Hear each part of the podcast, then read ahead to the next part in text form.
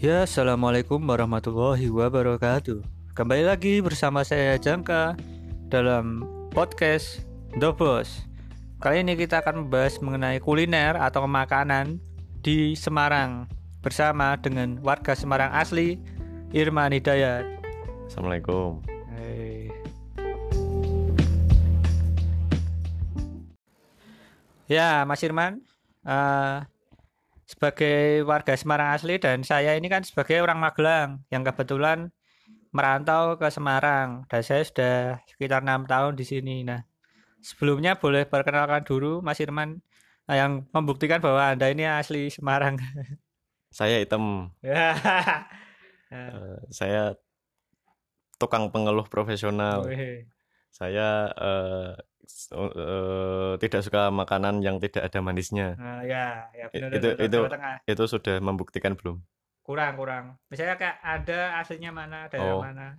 Eh, saya asli Kampung Kalibaru, tapi karena banyak orang Semarang yang nggak tahu Kalibaru, maka saya sering memperkenalkan diri berasal dari Barutikung. Barutikung. ya. Barutikung itu sebelah, sebelahnya. sebelah- Kali Baru. ya Itu daerah mana, Mas? Semarang juga Utara. Oh ya, Semarang Utara. dekat pelabuhan. Dekat pelabuhan Hmm. ya. Berarti benar-benar Semarang yang real dekat pantai. Ya, Semarang pesisir. Semarang pesisir. Oke. Ya, gitu ya. Apa perkenalan singkat dari Mas Irman. Walaupun selain sebagai warga Semarang asli, beliau bekerja sebagai penulis dan penerbit ya. Itu nanti kita akan bahas lain kali apa tentang soal sastra atau soal penulisan cerpen atau novel ya karena dia sudah uh, juara harapan dua kali berturut-turut ya di DKJ ya. Ya. Hah? Ya, intinya itu ya ya. Tapi itu nah lah kita di sini kita akan membahas apa makanan dan kuliner yang ada di Semarang. Nah, ini apa aja makanannya ya? Nah, sebelum kita membahas mengenai makanan di Semarang, kita akan membahas dulu apa makanan ini kenapa penting untuk dibahas ya? Karena me- menurut saya makanan itu pertama jelas itu kebutuhan utama manusia ya. Selain sandang dan papan ya, sandang, pangan, papan. Jadi selain kita harus berpakaian dulu, menahan lapar mungkin masih bisa, tapi habis itu ya kita tetap mau nggak mau tetap harus makan. Kalau enggak ya mati. Nah, se- selanjutnya selain sebagai kebutuhan makan, sekarang makanan sudah berevolusi juga menjadi sebuah hiburan, sebuah experience lah. Kayak misalnya orang pertama makanan dari presentasinya, dari bentuknya di foto di Instagram, orang bisa lihat loh sebagai hiburan, sebagai konten. Video-video YouTube juga bisa menjadikan makanan sebagai konten hiburan. Apalagi yang baru terkenal itu kan seafood sok kabeh, oh, yang itu kan itu kan juga hiburan sebenarnya ya kan. Betul. Master Chef juga hiburan, Iya. ya kan? Iya. Wah itu lomba masak loh, makanan dijadikan sebagai hiburan. Setelah hiburan juga nggak cuman mata, juga experience lidah. Ya. Experience lidah yaitu ah, Makanan bisa jadi semacam pelarian atau eh, sarana untuk mencari kepuasan. nah itu juga bisa. Kayak misalnya orang lagi stres, lagi bad mood, terus makan martabak jadi seneng, makan Iya. coklat jadi seneng. Nah itu kalau menurut Mas Irman sendiri itu gimana? Eh, seperti yang kamu bilang, Ah. saya setuju karena makanan emang berevolusi, bukan hanya melulu kebutuhan primer aja. Karena eh, nggak cuman memenuhi kebutuhan perut, tapi Ah, ada tapi ada urusan rasa, ada rasa. urusan eh, penampilan, Penampilan, terus eh, kepuasan tempat-tempat tempatnya, juga juga tempatnya. sangat berpengaruh Ya, sekarang. Tempat juga. yang nggak instagramable mungkin sepi. Ya benar sekali. itu jadi eh, selain eh, mengevolusi makanan sebagai kebutuhan primer juga me- berdampak pada ekonomi di Masyarakat juga. ya ekonomi masyarakat di sektor-sektor lain Ah, misal jadi pariwisata ya jadi benar. konten pariwisata. YouTube seperti yang tadi kamu Nah, bilang konten. nah seperti itu Nah, selain itu juga sebagai ajang pamer ya. Nah, ajang pamer misal Ajang pamer. eh, kita lagi gajian nih Ya. eh, kita misal sehari-hari cuman makan burjo Ya. angkringan wah dapat gajian kita ke Spiegel Oh, ya benar. Nongkrong di, di di foto lah Hmm. itu itu bisa menjadi kepuasan lain selain Ya. makanan juga eh, ada sensasi Ya. pamer Pamer dan juga panjat sosial ya. Ya, nah, itu. Itulah kenapa kita akan membahas makanan. Nah, ini eh, saya sebagai warga Magelang ya kan di apa dunia juga orang tahu lah ya kalau Magelang itu adalah tempat salah satu surga kuliner yang ada di Indonesia. Nah, tapi kan kita apa nggak akan lagi bahas Magelang. Saya akan membahas makanan favorit saya di Semarang dan uh, apakah sama dengan warga asli Semarang atau tidak. Makanan yang paling saya suka yang Semarang banget itu tahu gimbal. Saya udah cobain beberapa tahu gimbal ya. Yang pertama di Serondol, arah Serondol atau di seberangnya ngeserep itu ya. Itu ada orang jual tahu gimbal yang itu menurut saya itu paling enak. Dan itu juga paling pertama saya makan situ karena dibelikan sepupu saya waktu itu. Waktu saya masih mahasiswa baru ya sekitar tahun 2013. Nah setelah itu saya juga nyobain lagi di Taman KB waktu itu masih Taman KB belum Taman Indonesia Kaya itu juga ada orang tahu gimbal ya rasanya juga lumayan enak terus yang dekat sini baru-baru ini ya tahu gimbal Mbak Lis hmm. yang di Tembalang yang lumayan terkenal juga di uh, ya di apa aplikasi makanan ojek online oh, nah okay. itu juga di Banjarsari itu yang dulunya itu kan di pojok hmm. dulu dulunya di Bulusan Tembalang di pojok dekat kantor polisi ya kan oh Nah itu kemudian pindah ke Banjarsari yang tengah Sinar Rame Ojol buka lagi di seberang Bakul es krim, es krim hmm. yang ada di yaitu daerah Timoha Pembulusan ya. Belum buka cabang. Itu buka cabang. Oh, cabang. Cabang yang ah, ada, dua. Yang satu akhirnya dibuat untuk yang aplikasi, yang satunya hmm. itu yang masih Mbak Lis beneran. Hmm. Akhirnya dia yang di depan bakul es krim itu yang Mbak Lis beneran. Kamu udah coba dua-duanya apa cuman salah satu aja. Iya saya udah cobain semuanya bahkan yang dari awal sebelum Mbak Lis itu rasanya sama. Rasanya sama. Hmm. Bahkan sebelum Mbak istilahnya Mbak sebelum Mbak Lis terkenal lah ya. Hmm. Nah, saya udah langganan lama selain tahu gimbal juga kan ada pecel, ada lontong dan hmm. sebagainya. Es buahnya juga lumayan enak. Kalau pecel, pecel. Kalau pecel, nah ini saya favorit saya pecel Bumar. Perjuangan ya. Ya, pecel Bumar perjuangan walaupun itu beda-beda loh. Hmm. Favorit saya yang nomor satu itu yang Bumar yang katanya aslinya. Ada berapa tuh cabangnya itu? Ada dulu itu empat, tapi sekarang hmm. tinggal tiga. Karena ah. yang satu yang dekat gerai estetika itu nggak tahu entah ke mana kenapa tutup nggak hmm. buka-buka lagi. Jadi favorit saya itu pertama yang aslinya yang di daerah Banyumanik. Oh, Dek, saya, saya belum pernah coba. Uh, dekat Pasar Jati apa ya? Dekat cari dekat Sarinah kalau nggak salah. Hmm. Pokoknya daerah itulah. Saya lupa karena saya cuma sekali sih ke sana, tapi itu menurut saya yang paling enak. Bumbunya rasanya walaupun harganya itu paling mahal. Beda-beda tuh tiap cabang. Beda-beda. Tiap hmm. cabang itu beda-beda. Terus kedua favorit saya yang Timoho. yang enggak enggak yang Timoho malah yang Timoho terakhir. Terakhir, enggak yang terakhir, yang ketiga, yang kedua itu saya malah di Geraha Estetika. Oh, iya, iya. Karena tempatnya lumayan sepi, maksudnya nggak serame yang ada di Timoho atau Banjarsari itu ya hmm. dekat Timoho dan juga porsinya apa lebih banyak dan rasanya juga enak lebih hmm. lebih seger menurut saya nah kalau yang ketiga ya itu yang di Banjarsari yang dekat Timoho hmm. itu juga mau nggak mau ya hanya saya ke situ setiap hampir seminggu sekali mesti saya makan siang atau sarapan di pecel bumar perjuangan karena emang enak dan saya paling seneng gendarnya yeah, yeah. gendar pecel ya bukan bukan lontong atau bukan nasi tapi gendar nah, itu. gendar kayaknya nggak nggak ada di nggak ada di display ya kamu harus ngomong langsung sama yeah, orangnya ya gendar itu, itu semacam jenang jenang gurih ya bukan jenang ya nasi itu nasi tapi kenyal kenyal gitu ya, ya nasinya kayak kayak jenang sih tapi itu nasi dan nasinya ada rasanya dikit lah kayak gurih atau asin ya dikit tapi Nah, cocok itu. banget kalau sama pecel. Iya, emang cocok banget. Tapi apa sebagian besar orang tetap lebih suka nasi. Kalau saya sih suka gendar ya. Rasanya bisa maksimal. Ya. Saya, saya juga setuju kalau gendar bikin pecel lebih enak. Oh, ya. Gendar habis itu uh, pecel ya. Setelah pecel paling Oh ya, sebelum apa? sebelum pindah uh, untuk Bumar ini selain kita bisa merasakan makanan yang enak, kita juga bisa belajar strategi ya. marketing. Ya kita juga bisa belajar upsell ya. Hmm. Misalnya ketika bumarnya ngomong kita masih misalnya kita udah pakai pecel sama tempe tambah 9 ya sembilan ribu mas tambah dua ribu lah apa tambah telur jadinya pas ini sepuluh ribu. Misalnya pesan telur dan sebagian konsumen yang saya lihat itu termakan sama godaan ya si termakan ibunya. sama ibunya untuk nambah item baru seribu dua ribu. Ya karena itu sebenarnya itu apa upsell ya.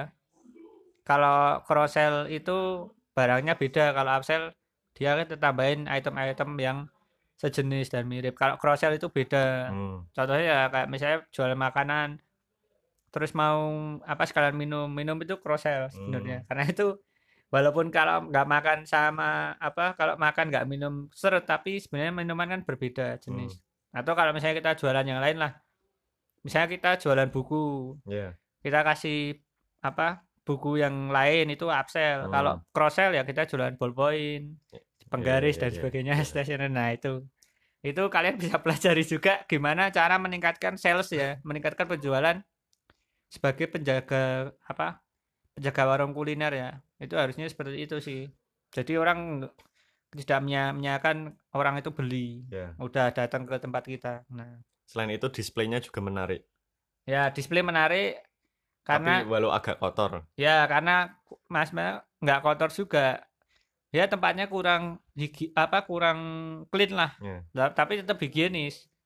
Tetap higienis walaupun tempatnya apa kurang kurang sedap dipandang dipandang mata ya. Tapi displaynya tuh sederhana banget lah. Maksudnya khas khas orang jualan yeah, orang Jawa. Yeah. uh, orang Jawa jualan. bahan-bahan makannya dipajang tepat di nah, depan mata konsumen dan orang yang bikin itu kita bisa lihat nah, gitu open open lihat. kitchen. Ya open kitchen kita bisa langsung milih tinggal nunjuk nunjuk hmm. nunjuk. Lalu nah setelah pecel favorit saya di Semarang ya mungkin ya mie ayam mie ayamnya kalau saya paling seneng Mbak Yanti yeah Setuju Mbak Yanti. Itu kuahnya beda. Kuahnya beda, minyak juga beda. Rasanya lah yang beda lah. Nah, setelah Mbak Yanti ya itu Mas Mono. itu karena porsinya, porsi ayamnya yang tumpah-tumpah. Hmm. Dan ayamnya manis. Ya, ayamnya manis dan banyak. Nah, itu selain mie ayam apa lagi ya? Bakmi Jawa. Bakmi Jawa. Kamu ada favorit gak?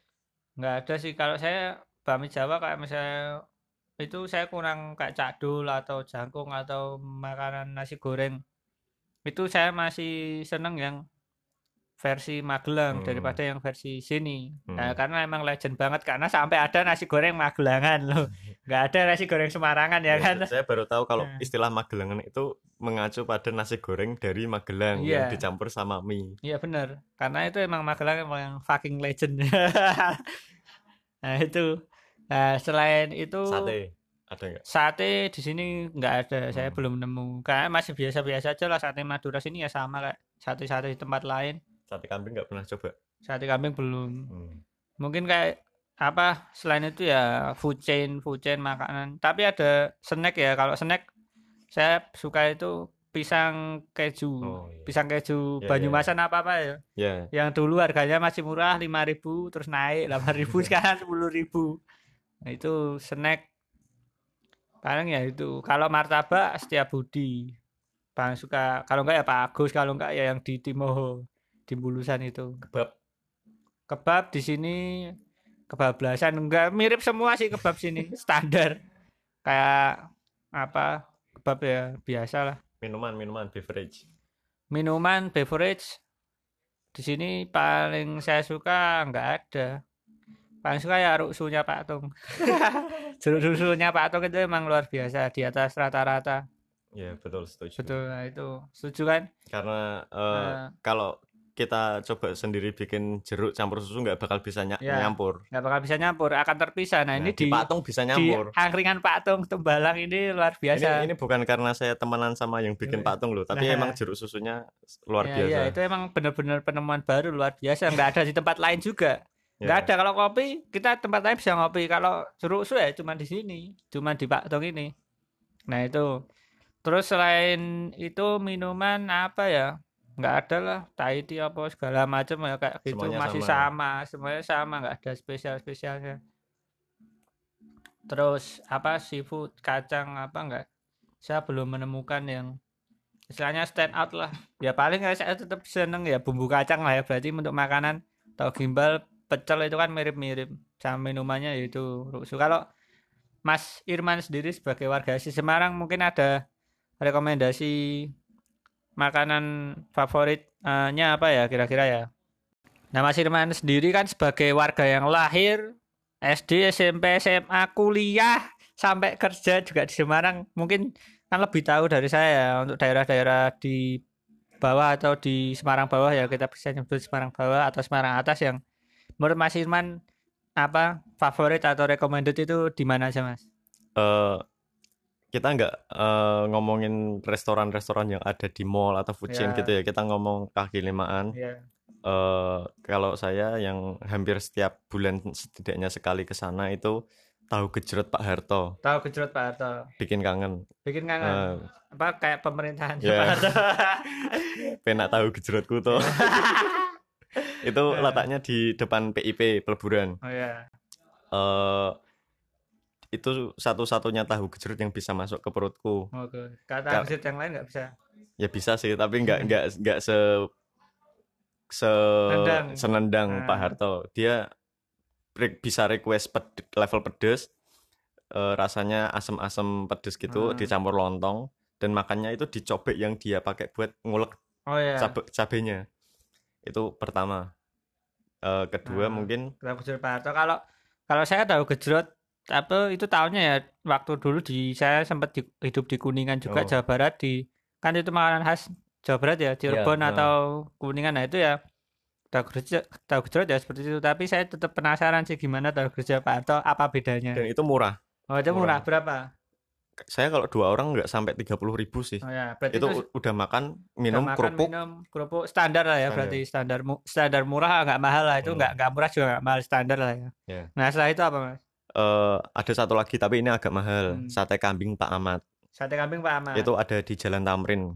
Kanan jalan kan Jalan Tamrin kan satu arah. Itu yeah. di ya. kanan jalan sebelum jembatan lah. Itu sate kambingnya mantap uh, terus bistik kambingnya juga bistik mantap. Kambingnya mantap.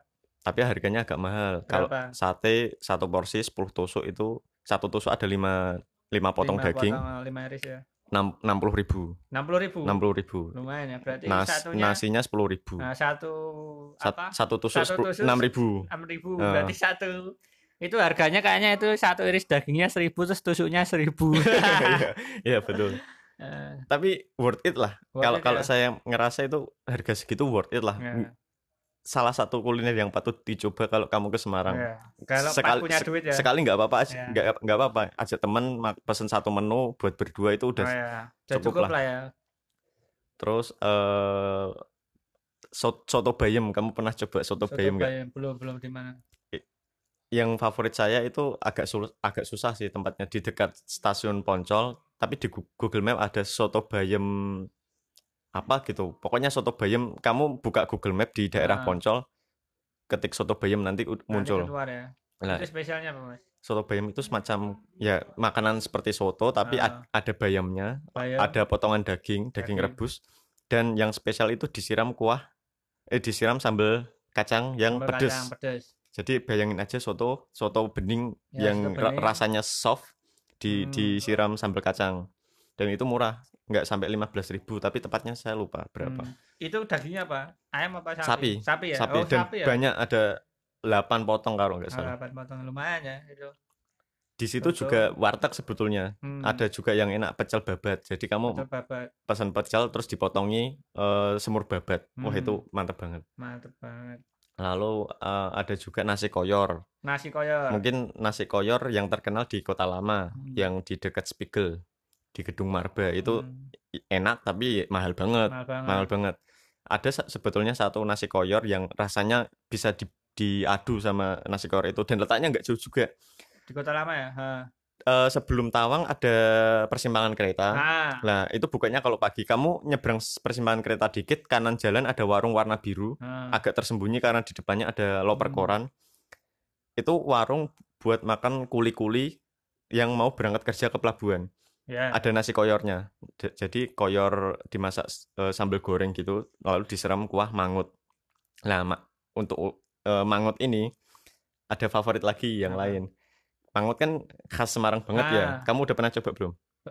Belum. Kalau mangut ya di Magelang ada mangut. Oh, ada. Tapi, tapi kalau yang Semarang belum. Nah mangut Semarang itu gurih pedes agak sedikit gurih, asam pedes ya asam dan biasanya uh, pakai daging kalau nggak ikan pari, hmm. uh, ikan manyung.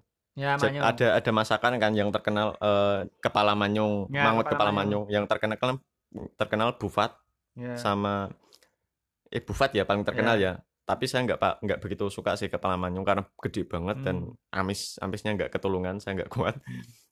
ada satu mangut tapi pakai daging belut dan itu belutnya diasap Wah, mantep banget kayaknya. Itu di mana? Di uh, Hajah Nasima. Ad, lokasinya ada dua. Hmm. Yang satu di Sampangan dekat Unwahas. Ah. Eh, Unwahas atau apa? Ada universitas lah ya. Ada kampus Islam lah di Sampangan. Yang satu lagi cabangnya itu di dekat JNE Pusat di dekatnya Taman Indonesia Kaya. Ya. Kalau kamu ke sana kamu harus coba uh, mangut belutnya itu sama garang asem. Garang asem. Garang asemnya kuahnya banyak banget dan itu luar biasa. Harganya rasanya. Mas? Cukup mahal sih. Cukup mahal. Uh, kalau nggak salah satu mangkok mangut belut itu tiga puluh lima ribu isinya ada enam enam potong, 6 potong daging belut. Lalu mungkin saya harus menyebutkan gudeg Mbak Tum ya di gudeg Java Mall. Di Java Mall. Uh, yang buka kalau nggak tahu sih bukanya 24 jam apa enggak, tapi saya pernah makan di sana pagi hmm. dan seringnya malam, tapi hmm. pagi juga buka. Itu menunya banyak banget dan semuanya enak. Semuanya enak. Semuanya Di enak. Mbak Tum Java Mall pagi ya? Malam, malam. Malam. Malam terkenyangnya malam. malam. Tapi saya pernah lewat ke sana pagi buka ya sudah saya sarapan di sana. Oh. Cuman kadang juga pagi nggak buka, nggak oh, nggak tahu. Nggak, nggak mesti ya? Nggak mesti kalau pagi. Tapi kalau malam pasti. Itu harganya juga mall ya? Harga mall apa standar? Harga mall, harga, harga mall. mall. Itu mahal, cukup mahal. Cukup mahal ya. Mungkin Terus, Oh ya, satu lagi yang ah. harus saya sebut. Lumpia Gang Lombok. Lumpia Gang Lombok. Uh, kan kita kalau makan lumpia, lumpia kan bahan dasarnya rebung. Hmm. Dan rebung kan pesing baunya. Yeah. Lah, lumpia Gang Lombok itu satu-satunya lumpia yang nggak pesing yang pernah saya makan. Dan kalau kamu makan lumpia Gang Lombok, rasanya bakal rasa rebungnya itu yang hmm. dimasak bakal bertahan di mulutmu sampai 1 2 jam. Nggak peduli kamu makan apa. Rebungnya? Rebungnya. Tapi rebungnya nggak rebung pesing. Rebungnya ah. uh, nggak tahu cara masaknya gimana tapi dia bisa mengeluarkan sisi terenak dari rebung gitu loh. Ya, tapi agak mahal juga. Agak satu satu satu batang lumpia yeah. itu tujuh belas ribu. Besar tapi ukurannya bisa dipotong jadi empat. Itu kalau kamu ke sana harus pagi banget. Hmm. Karena pagi pun tetap antri karena oh, biasanya orang kalau beli di Lumpia Gang Lombok pesennya dari kemarin-kemarin. Oh, ya. Dan sekali beli bisa ratusan potong. Karena emang bener-bener apa? Lumpia kan isinya rebung ya hmm. tapi itu karena bisa bertahan sampai satu sampai dua jam ya itu luar biasa sekali sebenarnya dia dicampur sama udang sama telur dan hmm. konon ini ini saya sulit percaya sih hmm. si penjual mengaku lumpia Gang Lombok ini lumpia pertama di Semarang lumpia pertama di Semarang lumpia pertama di kota lumpia oh, ya, kamu mantap. bisa membayangkan ya, enggak betapa legendnya ya, ya betapa ya. legendnya nah, setelah itu apa lagi uh, ada satu Hmm. Dari, dari tadi satu lagi terus.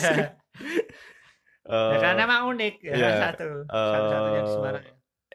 Iwak Mano Mas eh Pak No, Pak No, Iwak Pak Mano Pak No. Kamu cari di Google aja, itu uh. di daerah Madukoro di Semarang Barat lah, banjir kanal Barat. Hmm. Itu daging burung, ada burung puyuh, burung belibis, uh, bebek alas. Harganya yang paling mahal bebek alas, satu potong itu setengah ekor delapan puluh ribu, bisa buat tiga orang. Satu satu ekor penuh ya itu Enggak, ya? setengah ekor. Setengah ekor delapan puluh ribu. Kalau beli bis itu setengah ekor tiga puluh ribu. Itu apa aja burungnya empat. Empat. Puyuh belibis, belibis bebek alas satu bebek lagi alas. apa? Saya lupa. Ah. itu daging burung kan biasanya kalau burung kan ada aroma anyir anyir nah, gimana unggas gitu. unggas ya unggas nah, burung. Nah, itu sama sekali nggak ada. ah. rasanya seperti ayam tapi tiga kali lebih empuk. Hmm ya ya, ya. siapa mungkin itu udah dipotong bagian ekornya atau bagian brutunya ya itu salah satu rahasia kuliner itu ditusuk pakai ya. uh, tusukan bambu nah itu untuk bagi kalian ya yang bingung gimana cara masak bebek biar nggak amis ya itu potong aja brutunya terus ya. mungkin sama kayak kamu sih uh, pecel. Mie ayam. Mie ayam, mie ayam apa? Paling enak. Mbak mbak Yanti itu sejauh ini paling enak di Semarang, Semarang ya. ada ada lawannya tapi apa? uh, mie ayam Maliki. Cuman tempatnya jauh banget di dalam perkampungan di Kebun Harjo. Hmm. belakang Tawang agak sulit. Tapi rasanya sama. Rasanya mirip ya? Ya saya, saya curiga mereka satu perguruan. Oh, iya. rasanya mirip banget mirip soalnya. ya. uh, mirip banget. Uh, terus untuk pecel? Pecel pecel saya saya standar semua sih. Standar semua. Buman juga standar ya? Dulu sebenarnya ada en, pecel enak banget di depan E Plaza ah. nah tapi semenjak uh, simpang lima direnovasi ya, trotoarnya hilang itu pecelnya. Bukan bukan itu loh bukan pecel yang di pojokan yang terkenal itu loh. Hmm. ada satu pecel namanya saya lupa itu enak banget. Dikasih kerupuk gendar yang diremuk gitu loh ya. pecelnya. Dan rasanya nggak manis. Pecel ya ada manisnya tapi lebih ke gurih dan asin. Gurih dan asin. Dan mungkin itu kalau pecel ya. Bandung Presto ya semua Bandung Presto enak sih. Mirip ya enak dan mirip-mirip. Uh. jadi nggak di apa nggak ada yang kita uh. unggulkan ya. Kalau tahu gimbal tahu gimbal. Nggak suka tahu gimbal. Enak enak, oh, enak. enak. mungkin satu lagi yang perlu disebutkan toko un. Oh ya toko un. Toko un. Itu ya mahal banget sih tapi hmm. cuman uh, saya nggak saya belum pernah coba sticknya. Mungkin es krim pernah uh, dia jual kue es krim makanan western ya nah penutup lah ya nah, dessert ya nah, tapi kata seorang teman yang hmm. saya percaya seleranya yeah. konon uh, sticknya toko un ini stick terenak di Semarang hmm. saya saya sendiri penasaran tapi harganya seratus empat puluh ribu yeah. satu porsi di apa di internet juga ini toko ini sudah sangat terkenal sekali hmm. dan banyak yang mengulas. Itu di depan Sri Ratu Jalan Pemuda. Mungkin itu sih nasi ya. goreng juga nggak ada yang spesial. Karena nasi goreng mungkin Pak Pak Karmin Berok yang terkenal ya di hmm. Kota Lama tapi bagi saya biasa saja biasa sih. Biasa aja, tetap nasi gorengnya tetap magelangan. mungkin mungkin. Hmm, itu aja. Itu aja nah. itu makan apa kuliner tersembunyi yang apa recommended di Semarang ya kan bisa oleh, disebut begitu oleh warga Semarang asli ya biar disebut segitu ya nah, kuliner yang menurut saya itu tersembunyi ya karena saya juga nggak tahu nah tapi apakah benar-benar tersembunyi atau tidak nah ini kita bandingkan yang ada di internet yaitu dalam hal ini kita diwakili oleh trapadvisor.co.id ya restoran terbaik di Semarang ya nah ini yang nomor 30 ini Rojo tahu Mas Irman ada di Jalan Pemuda, oh, tahu. Tahu tapi belum pernah. Belum pernah. Saya juga nggak tahu sama sekali ya. dan belum pernah karena nggak tahu. 29 ini The Blue Lotus Coffee House ya. ya. Tulisannya Coffee House tapi di gambarnya ada stick salmon ya. Ya. Nggak, Berarti, nggak, nggak pernah coba saya. Nggak pernah coba juga nggak tahu. 28 Eastman Coffee. Kayaknya yang di peleburan itu ya? Nggak tahu, saya nggak tahu belum pernah coba tapi tempatnya bagus oh ya. enggak enggak di di mana deretannya Ricis deretannya se sebelum an antara Karyadi sampai hmm. Elizabeth itu loh jalan apa saya lupa. Oh ya di situ kalau nggak salah. Isman Coffee Strada Cafe belum pernah coba dan nggak tahu tempatnya. Nggak tahu. Kuno Kuni. Eh, belum pernah coba. Ini, ini restoran antik tempatnya di Simpang Lima naik arah Elizabeth. Tapi ya belum pernah coba ya? Tempatnya tersembunyi. Tersembunyi? Tersembunyi. Nggak nggak di jalan utama gitu, hmm. gitu tapi ada banner raksasa kuno kuni berarti ya tempat lumayan. Ya, lumayan. ya terus Tongci Cafe lobby hotel home Semarang. Tongci Cafe kan ada banyak cabangnya toh. Ada banyak cabang. Ini yang lobby hotel Semarang ini. Nggak tahu bedanya apa sih. dua lima ini termasuk ter lumayan loh. Terus soto Bangkong. Nih tahu nggak? Belum pernah coba tapi soto Semarangan. Selain soto Bangkong. Uh, ada yang enak di yeah. Iya. uh, di Jalan Kelut. Jalan Kelut. Ja, uh, soto Pak Harto juga namanya. Pak Harto. Pak Harto. Uh.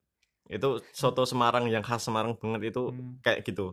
Uh, bagi saya kalau soto Semarang ya yang bisa mempresentasikan bisa mewakili Semarang ya nah, soto Pak Harto. Pak Harto. Tapi ada banyak yang enak juga. Hmm. Bangkong enak. Terus ada lagi di uh, jalan Keranggan yang deretan toko emas itu. Hmm. kan ada banyak toko emas di, di seberang Superindo saya lupa namanya. Itu katanya juga enak. Ciri khasnya kan mangkok kecil ya, porsi mangkok kecil, porsi kecil. manis manis ya ya seperti itu soto Semarang lah Bangkong belum pernah coba sih hmm. terus Kampung Kopi Banaran pernah ke sana waktu hmm. perpisahan SMP eh. tapi cuman makan ayam goreng dan hmm. itu nggak nggak nggak enak-enak banget sih tempatnya tapi enak Berarti ini kalau nggak salah ini kan ada tempat wisata, ada hotelnya juga ya, ada kamarnya. Yeah. Hotel atau resort nggak tahu. Ini ini lebih ke tempat wisata uh, sih daripada daripada ke kuliner ya. Yeah, dan nggak di Semarang banget. Hmm. Ini ini hampir mendekati Salatiga. Iya, ini Bawen ke arah Bawen ke Kiri. arah eh, kanan yang lurus. Kan. kan yang lurus kan Bawen kan Bawen kanan kan Ambarawa. Uh, nah, ini lurus terus terus kanan jalan kan uh, arah Salatiga. Ada, tapi di Jambu ada juga loh. Hmm. Ada juga lo kanan jalan sebelum kopi e kopi Eva. Oh di Jambu eh, ada juga. Setelah kopi Eva. Kampung kopi Banaran juga. Ada. Uh, hmm. Kalau saya yang tahunya yang yang di arah Salatiga. Padahal kan kamu lewat sana terus tuh. iya, tapi saya saya tahunya cuma kopi Eva. apa jarang tahu kampung kopi Banaran yang di dekat kopi Eva ada ada, ada ada nah itu terus nomor dua dua dua dua kok kafe pelangi nggak tahu ini di mana nggak tahu di mana gama ikan bakar dan seafood Se gama itu nama gama salah satu nama yang umum buat hmm. jadi tempat makan di Semarang oh, ya. ya. Ada gama roti bakar, ada gama seafood. Jadi saya nggak tahu gama yang disebut di sini yang mana saya nggak tahu. Ya 20 soto ayam bokoran Semarang. Ini tip dari gambarnya tipikalnya sama ya soto ya, Semarangan soto ya. Semarangan ya. Tapi belum pernah coba saya. Belum pernah coba. Sate dan gulai kambing 29 belenduk. Nah, ini mungkin salah satu sate yang bisa menandingi Pak Ahmad. Ah. Cuman saya belum pernah coba. Belum saya pernah cuman dapat testimoni dari teman-teman. Hmm. Nah, kata mereka kalau ke sate 29 itu sate buntelnya hmm. yang terbaik. Hmm. Itu satu porsi 80 ribu cuman dapat dua tusuk. Wedan. Super sekali ya, Ada sekali. dua ya. di Kota Lama sama di uh, aduh lupa di setiap eh Jatingaleh, Jatingaleh. Jatingaleh ya. hmm. ya. Nomor 18 The Tavern, nggak tahu. Italia. Tahu tahu. tahu. Ini di deretannya tadi toh, apa? yang Strada Coffee atau apa itu oh. di di dekat Taman Gajah Mungkur. Taman Gajah Tempatnya Mungkur. bagus banget sih. Dari luar. Hmm. Uh, logonya terus kan Tapi belum pernah masuk. Pernah. Di sebelahnya tavern kan ada SPBU. Hmm. Nah, tiap ngisi bensin di sana baunya enak banget. nah, next ya itu nomor uh. 18 nomor 17 Goodfellas Restaurant Bar. Belum pernah coba. Belum pernah. Kampung Laut ya. Hmm, pernah? Pernah. Gimana rasanya? Ya standar seafood standar sih. Standar seafood ya. Kayaknya dan ini seafood yang paling proper dan ramah keluarga ya.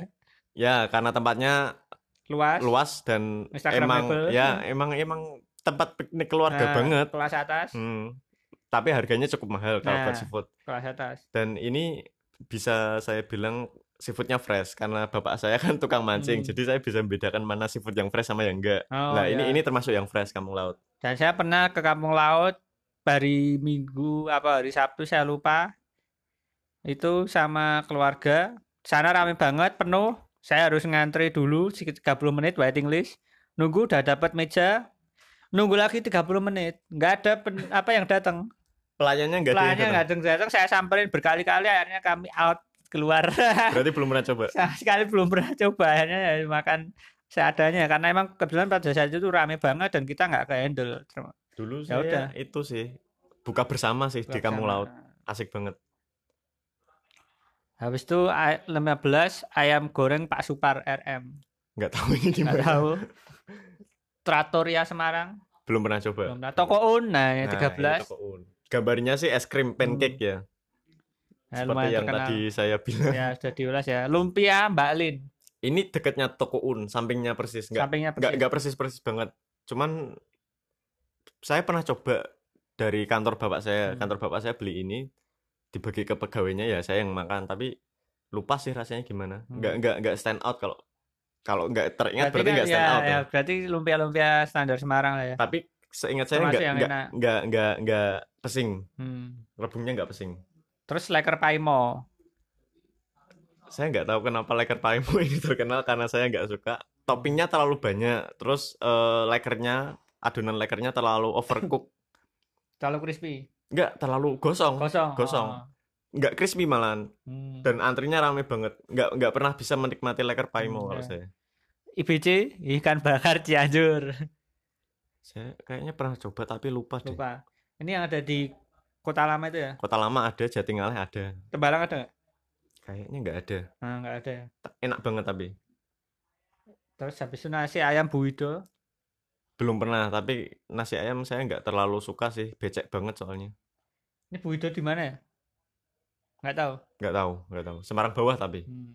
Kalau saya nasi ayam yang sukaan tembalang yang di dekat lampu merah ngesrep. Hmm. Ya, di dekat patung di Ponorogo ya, bukan patung kuda ya. patung di Ponorogo. Yang yang makan trotoar itu. Ya, yang di tempatnya emang di trotoar oh. enggak enggak makan trotoar ya, kita makannya nasi ayam ya. nah, nomor 8 Timori on the Valley. Wah, sangat senang ya namanya. Teman-teman saya kalau pacaran biasanya ke sini. ke Timori ya. Tempat... Tapi saya nggak pernah. Nah, ini lebih ke tempat wisata edukasi. Wisata, ed edukasi wisata dan ada makannya uh, juga. peternakan sapi juga. Lebih ke apa dari tempat wisata ya kayak kopi bandaran ya? Nah ini ini ada tulisan mini feeding farm. Hmm. tempat berlibur bersama keluarga. Jadi ya. apa kulinernya sedikit. Nah ini saya juga uh, jarang sekali sih yang ke sana. Saya cuma lewat tapi saya belum pernah. Walaupun saya pernah diajak untuk ke sana ya. Hmm. nggak tahu kenapa cewek-cewek kayaknya suka di Cimori saya juga nggak tahu. Nomor tujuh soto kudus Mbak Lin. Nggak tahu. Belum pernah coba soto belum kudus. pernah. bedanya sama soto Semarang apa nggak tahu. Hmm. mungkin dari porsi ya kayaknya besar banget porsinya. Iya. Mungkin bedanya kalau di kudus mangkoknya gede. Hmm. ini nomor 6 Spiegel Bar and Bistro. Uh, pernah coba di sana tapi cuman minum bir sama kok mocktail sih mocktail. Hmm. Itu jadi ada restonya ada bar juga barnya di tengah tempatnya bagus banget hmm. pakai gedung kota lama yang hmm, masih bener-bener lama baru masih dipelihara hmm. bentuknya hmm. dan makanannya enak-enak semua hmm. dari aromanya karena yeah. karena saya kalau masuk lihat lihat orang makan oh, di kanan kiri kayaknya enak banget tapi kalau lihat di menunya kayaknya nggak sanggup buat makan ya, yeah, karena mahal sekali ya satu porsi enam puluh ribuan enam puluh ribuan nah saya juga sering ke Spiegel Bar and Bistro untuk ke atas.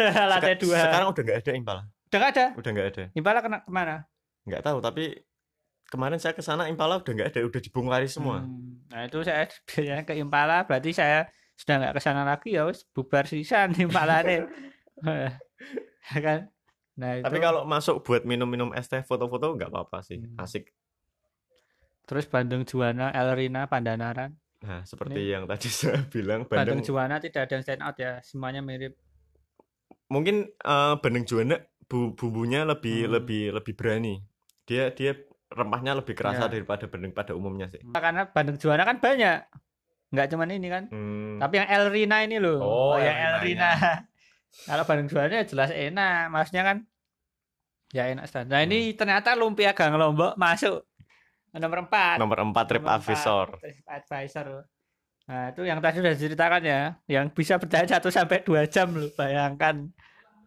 Kedai beringin, kedai beringin. Ini di depan itu ya, Poncol ya. Ya, ini Chinese food. Chinese food. Chinese food. Ada ada babinya juga. Ya, ada ada. Saya pernah diajak ke sini tapi saya nggak mau karena ada babinya. Katanya sih nah. enak, kue teonya paling nah. enak katanya loh. Saya juga katanya juga legend juga. Apa banyak banget pilihannya, pilihan hmm. makanannya banyak banget, menunya banyak banget tapi saya nggak jadi ke sana. Cuman katanya nggak tahu sih, hmm. tapi konon ini satu manajemen sama Belief. Oh, satu manajemen ya. Nah, kalau Belief saya pernah coba, ya. cuman biasa aja sih. Belief kan food chain juga. Yeah. Di Magelang ada, di mana-mana ada ya. Warung asam-asam Kohlim. Enggak tahu asam-asam kayak gimana, belum pernah coba. saya juga baru apa dengar juga asam-asam itu ya kayak garang asam garang tapi asam bukan. tapi dibungkus loh ini ini dibungkus ya, ini enggak digarang ya. cuman asam tok kayak sop nggak tahu juga sih ada sop daging nggak tahu sih saya teman pernah dimasakin ini asam-asam dan saya juga lupa karena kurang stand out juga. Tapi saya curiga hmm. uh, umpatan asam khas Semarang itu berasal dari asam-asam oh, ini. Ya, mungkin, mungkin ada hubungannya sama ya, kuliner satu ini. Asam asam arang kan ya kan karena katanya kan di apa Semarang itu kan berasal dari kata asam arang ya kan asam arang asam-asam kohlim. Nah, nomor satu ini. Kalau kalau orang makan di sini enak banget. Oh, asam ya. tenan asam-asam enak. Nomor satu ya uh, mungkin sudah banyak yang tahu ayam bakar prima rasa. Nggak tahu. Nggak tahu. Nggak pernah coba. Saya juga nggak tahu tapi ini kayaknya memang nomor satu di internet ya ini. Nggak tahu kenapa ya ayam bakar lah. Ya ayam bakar nggak tahu. Tapi saya lihat di uh, daftarnya TripAdvisor hmm. itu ya restoran-restoran yang udah stand out semua ya. Hmm. maksudnya yang emang kalau nggak terkenal brandingnya bagus gitu loh. Hmm, ya. dan ya. harganya juga lumayan. Nah, nggak hampir nggak ada bahkan mungkin nggak ada kuliner yang hidden gem gitu ya ya ya yang tersembunyi ya. hmm.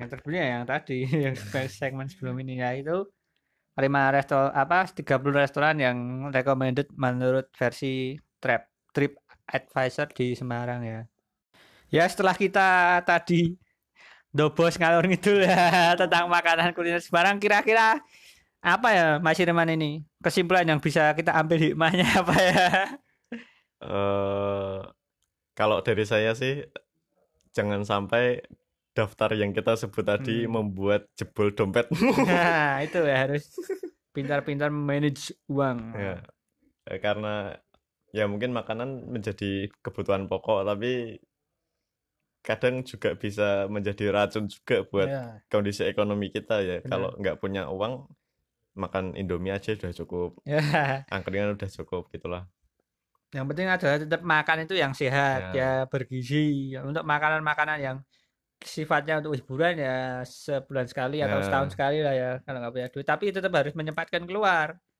karena apa itu karena refreshing juga dan itu akan menambah apa insight-insight juga akan menambah pengalaman, yeah. pengetahuan dan iya. sebagainya. Yeah. Apalagi kalau kamu sebagai pebisnis, maka kamu akan tahu bagaimana caranya membranding sebuah tempat, yeah, produk, yeah. Uh. bagaimana cara upselling ya kan, menawarkan uh. makanan. Yeah. Gimana merawat apa istilahnya konsistensi ya kan, yeah. buka setiap hari, gimana konsistensi rasa ya kan. Turun temurun. Nah, itu juga yang susahnya di bisnis kuliner kan itu dan bagaimana stok manajemen juga. Nah, ya. Nyetok 30 porsi yang laku cuma satu ya yang 29 ya, busuk kan kita ya, rugi. Iya benar. Nah, itu juga perlu banyak-banyak apa dipikirkan dan juga kita mungkin bisa belajar dari tempat-tempat kuliner ini. Ya, dan mungkin kita bisa mengambil pelajaran uh, se hampir semua makanan enak yang tadi kita sebutkan hmm. nggak hmm. nggak sehat ya. Iya, bisa Gak ada sayur-sayurnya. Ya, ada loh. Uh, saya punya temen loh, kalau se seminggu gak makan sayur lemes loh. ada. ada loh. Mantan teman sekamarmu. Oh iya, benar ya, itu. Kalau Nah, itu benar sekali. Jadi jangan lupa makan sehat. Makan sehat, makan sayur. Nah, intinya itu walaupun ya podcast ini itu adalah semuanya adalah kebohongan semata ya kan. Ya, betul. Nah, jadi jangan percaya, jangan ya jangan percaya kata-kata kami karena semua adalah dobos ya. ya kan. Ambil yang baik, buang yang buruk, ciptakan yang baru karena podcast dobos hanyalah kebohongan semata ya kan. Nah, terima kasih sudah mendengarkan podcast dobos. Jangan lupa untuk like atau follow atau berlangganan di aplikasi podcast kesukaan kalian. Share. Ya, share boleh ya kalau ada uh, pertanyaan oh, iya. atau yeah. kritik saran masukan bahasan topik yang mau dibahas bisa mention atau di DM ke @masjangka di Twitter maupun di Instagram ya. Terima kasih Mas Irman. Ya, saya juga terima kasih karena bisa berbagi ya, pengalaman kuliner. Ya, pengalaman kuliner asli dari warga Semarang. ya, ya kan? Tapi uh, selera saya mungkin bisa berbeda loh sama ya. orang-orang ya. yang enggak dari Semarang. Ya benar. Nah itu. Ya karena itu tadi jangan gampang percaya. Ya jangan percaya itu intinya ya terima kasih sekian dari kami saya Jangka saya Irman ya sampai jumpa di episode selanjutnya